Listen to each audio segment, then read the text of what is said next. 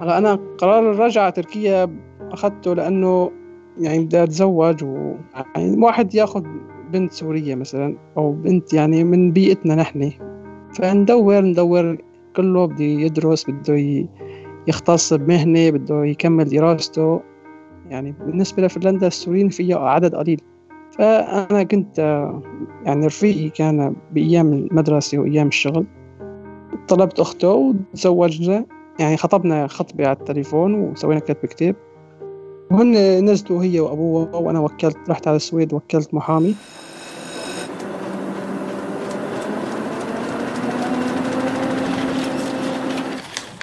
عنب بلدي بودكاست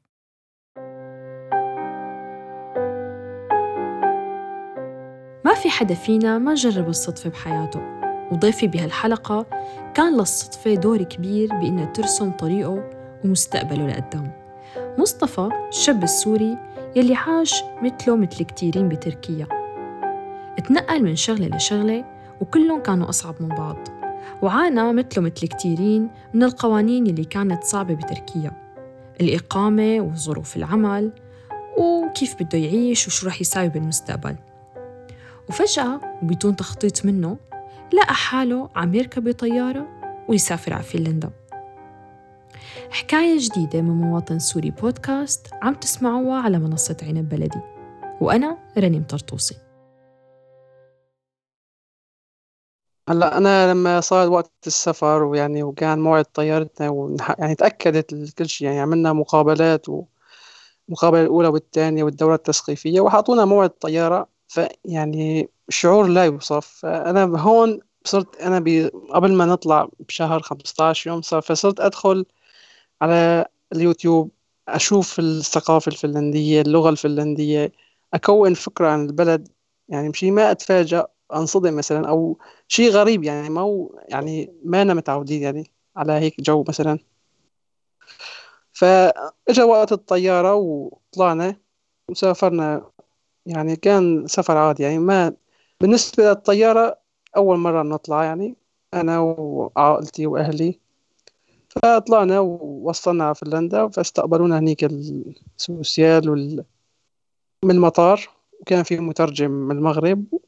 وبعدين حكوا معنا دردشوا معنا شو هواياتكم وكذا فدبين ما تخلص إجراءات المطار. بعدين أخذونا على البيت والبيت مفروش يعني جاهز من كل شيء ما ما ناقصه أي شيء.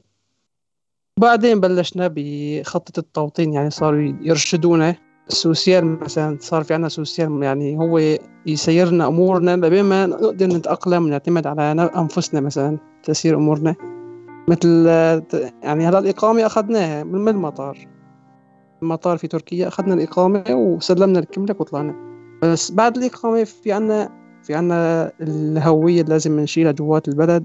الإقامة خلص يعني بتنضب بالبيت ما بتنشال دائما فصرنا نستخرج الأوراق وكلياتها وبعدين صاروا مكتب العمل يعني صار يعني سجلنا مكتب العمل مشان الكورس مشان اللغة نتعلم لغة. فالحياة بأوروبا أنه بفنلندا بشكل خاص يعني لها جو الخاص. وفيها مشقة وفيها أنه رفاهية بس يعني مثل ما بيقولوا الجنة بدون ناس ما بتنداس.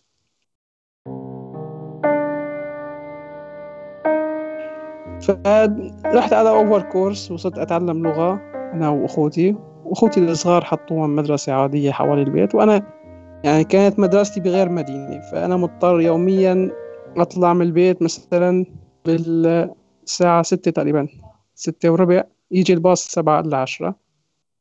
أطلع بالباص أوصل ثمانية ثمانية وربع. دوامنا كان بالتسعة بس الباص اللي بيروح هالمدينة ما في غير الساعة سبعة إلا عشرة والباص التاني بيجي تسعة وربع.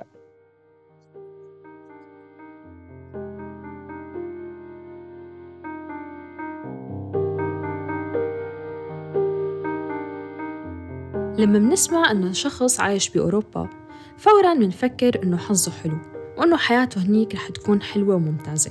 بينما في ناس عايشين هنيك بيشوفوا إنه الحياة بأوروبا فعلا هي صعبة وإنه حياتنا يلي كنا عايشينها قبل بسوريا، تركيا، الأردن وحتى لبنان كانت بتشبهنا أكثر كانت أبسط وكانت أحلى.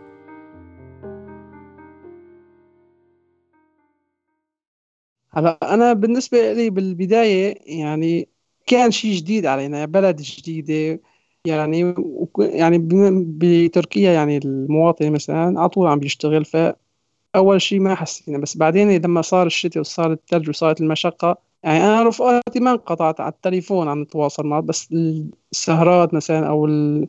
كحالة يعني عائلة اجتماعية أو كحياة اجتماعية لا هون ما يعني ما في العادات الاجتماعية هون كل واحد بحاله كل واحد ملتزم بيته ما حدا بيحتك بالتاني. حتى يعني إذا كانوا بموقف باص مثلا كل واحد بيبعد عن الثاني يعني من قبل الكورونا هن هن هيك عادتهم بيبعدوا عن بعضهم مسافة مترين ثلاثة يعني ما بيحتكوا ببعضهم كتير. وعندهم هدوء هدوء لأبعد الحدود. والمشكلة الثانية البيروقراطية يعني الأوراق. يعني هون كل شيء بده أوراق. يعني طلب دعم معيشة كل شهر مثلا دعم السكن كل ست أشهر أو كل سنة دعم الدخل. فهدول يعني هذا بفكر بأوروبا إنه اللي عم بيعايش هنيك مرتاح عم بيجي لعنده يعني يعني كل شيء مقدم له يعني نازل من تمه هيك معلقة من ذهب ما في شيء بيجي هيك بالهين. بدها مشقة يعني. والرواتب عم بيعطوه يعني بيعطوهم إياها شيء تكفي المواطن يعيش. يعني هذا أدنى راتب عم بيعطوه للمواطن للاجئين يعني. فإذا كانوا عائلة بي يعني يجوز مثلا الصغار ياخذوا أقل من الكبار. اللي فوق 18 بياخذ شكل واللي تحت 18 بياخذ شكل. بس كله هذا يوميا يعني يوميا بده واحد يندوخ بالاوراق تعبئة الاوراق تعبئة الطلب. وإذا عندك موعد دكتور مثلا أو عندك بمشفى موعد فلازم تروح على الموعد وبيجيك على البيت بعد ما تخلص الموعد بيجيك فاتورة مثلا بياخدوا مثلا منك 40% وهن بيدفعوا الباقي.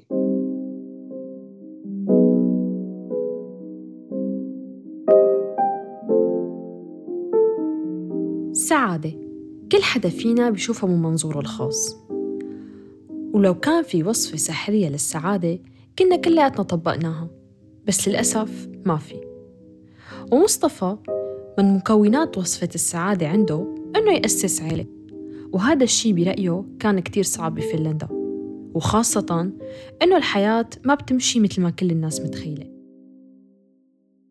هلا أنا قرار الرجعة تركيا أخذته لأنه يعني بدي أتزوج و... فهون طلعنا نسأل يعني يعني واحد ياخذ بنت سورية مثلا أو بنت يعني من بيئتنا نحن فندور ندور كله بده يدرس بده يختص بمهنة بده يكمل دراسته. والأغلبية الناس معي ما خرجت تخطب هون وما في يعني قليل. يعني بالنسبة لفنلندا السوريين في عدد قليل. فأنا كنت يعني رفيقي كان بأيام المدرسة وأيام الشغل. طلبت أخته وتزوجنا. يعني خطبنا خطبة على التليفون وسوينا كتب كتاب. وهن نزلوا هي وأبوه وأنا وكلت رحت على السويد وكلت محامي.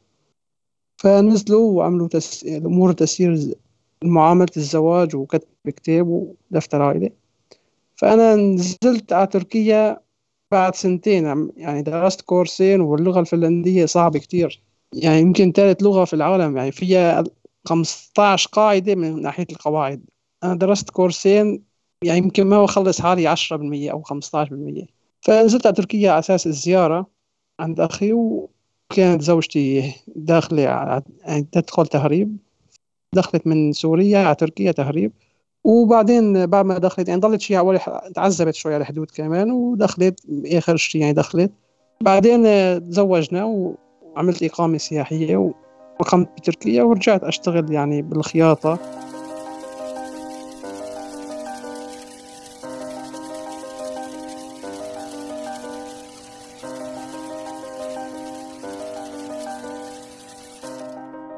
هلا ردة فعل العالم العالم يعني بدي حكوا كتير ويعني يعني كل العالم صارت يعني تجي لأهلي شلون تخلوه ينزل يدمر مستقبله. يعني اللي صح له ما صح لحدا والعالم قالت لحالها بس يعني عالم عم تروح تخاطر بتحط مصاريف على اليونان وبتحط مئات الدولارات بس عم بيمسكوهم باليونان عم بيراجعون. فأنا أخذت هالقرار خلاص. يعني يعني من ناحية الدراسة أنا درست كتير في سوريا ووصلت للجامعة. وبعدين ما ما كملت. ما ما هيك ظروف ما خرج واحد يدرس. وهون جيت لتبلشي من الصفر. مثل كأنه واحد ولد جديد بلش من الابتدائي بده يطلع درجة درجة. فالعمر عم يمشي يعني واحد عمره صار 28 27 28 فهون ما عندهم مشكلة. هون هن من ناحية الزواج ايمت ما بدهم بتزوجوا كل شيء متاح لهم. فنحن ما ما عندنا هيك عادات وهيك تقاليد. يعني لازم واحد يأسس عيلة يأسس أسرة. يعني إذا أنا مثلا تزوجت بال 30 لبين ما يصير عمري 45 يكون صار ابني مثلا عمره 20 15 سنة. فنحن متعودين يعني بسوريا حد الأقصى مثلا للشاب 20 22 يتزوج. لبين ما يكبر مثلا يكون ابنه صار يعني يقدر يساعده من ناحية الحياة. فبيقولوا لك إنه هون كل شيء موفر لك. يعني أنت إذا تجوزت متأخر يعني كل شيء موفرك طيب هون خطة التوطين يعطينك إياها ثلاث سنوات أو سنتين أو في ناس سنة في بعض الدول. أنت خطة التوطين إذا درست يعني خلصت دراسة واختصيت بمهنة واشتغلت راح تصير مثلك مثل أي مواطن تدفع ضرائب وتشتغل. يعني مثلك اي مثل مثل كأنه عايش بأي بلد. عم تشتغل بياخذوا منك ضرائب تدفع إيجار بيت. فهون أنا ما يعني شلون بدي أقول لك؟ هي تسرع هي يعني واقع. أنا يعني فكرت فيها إنه ما, ما أنا ما خرج إنه أكمل هيك بهالدراسة بهالجو بهالبطء كل هالبطء يعني.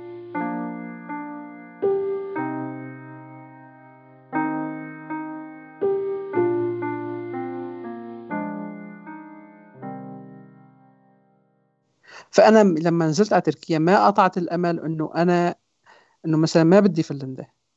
أنا نزلت بهدف إنه أكون أسرة أكون عيلة. يعني إذا يعني بابا عيش في فنلندا 10 سنين يعني وإذا لقيت بنت حلال إنه أتزوجها ما راح يطبع عقلي على عقلها. لأنه يعني هون يعني كل وحدة بدها شيء يعني ترسم حياتها خاصة. أنا مثلا زوجتي مثلا بجوز مثلا تطلب مني تسوق سيارة. طيب أنا بسمحت لها تسوق سيارة عادي ما في أي مشكلة عادي. طيب زوجتي راح تشتغل راح تروح وتجي. عادي يعني ما في أي مشكلة.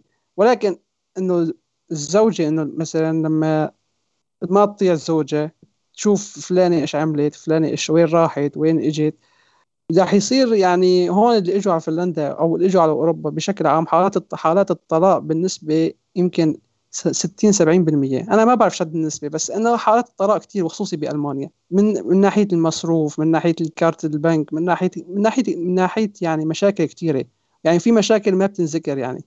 فأنا رجعت على فنلندا أجدد إقامتي الفنلندية وقدمت عليها ووافقوا لي عليها. بعدين أنا لما كنت برات فنلندا أنا كنت بإجازة على حسابي يعني ما عم باخذ ولا ليرة من مكتب العمل.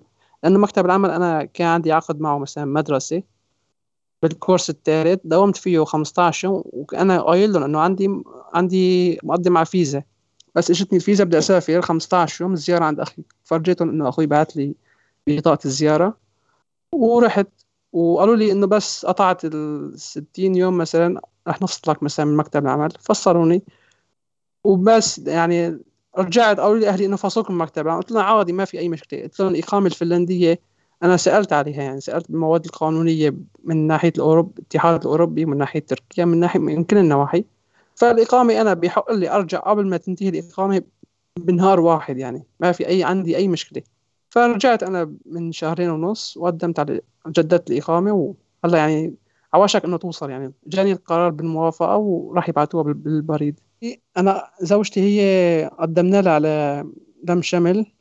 أنا قدمت لم شمل حطيت فيه بعض الأسباب يعني من ناحية تكوين الأسرة ومن ناحية إنه أنا مثلا تزوجت وصار لي مقيم مع زوجتي سنتين مثلا أو سنة ونص وفي عقد اجار وفي إثباتات إنه نحن متزوجين. وأنا هي راحت عند سلمت الأوراق للسفارة الفنلندية بأنقرة وقالوا لها عندك مقابلة بعد شي ستة أشهر. يعني أنا زوجتي طلعت يعني بنعيش أنا وياها هون ونستقر أنا وياها هون بنأسس عيلة وبنكمل حياتنا طبيعي يعني.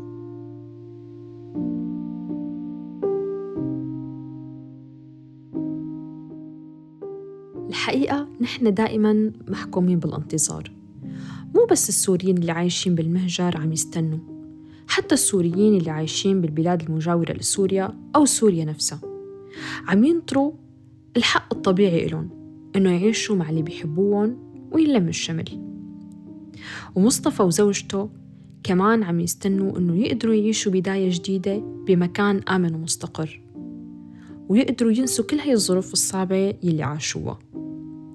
كنت معكم رنيم طرطوسي بمواطن سوري بودكاست.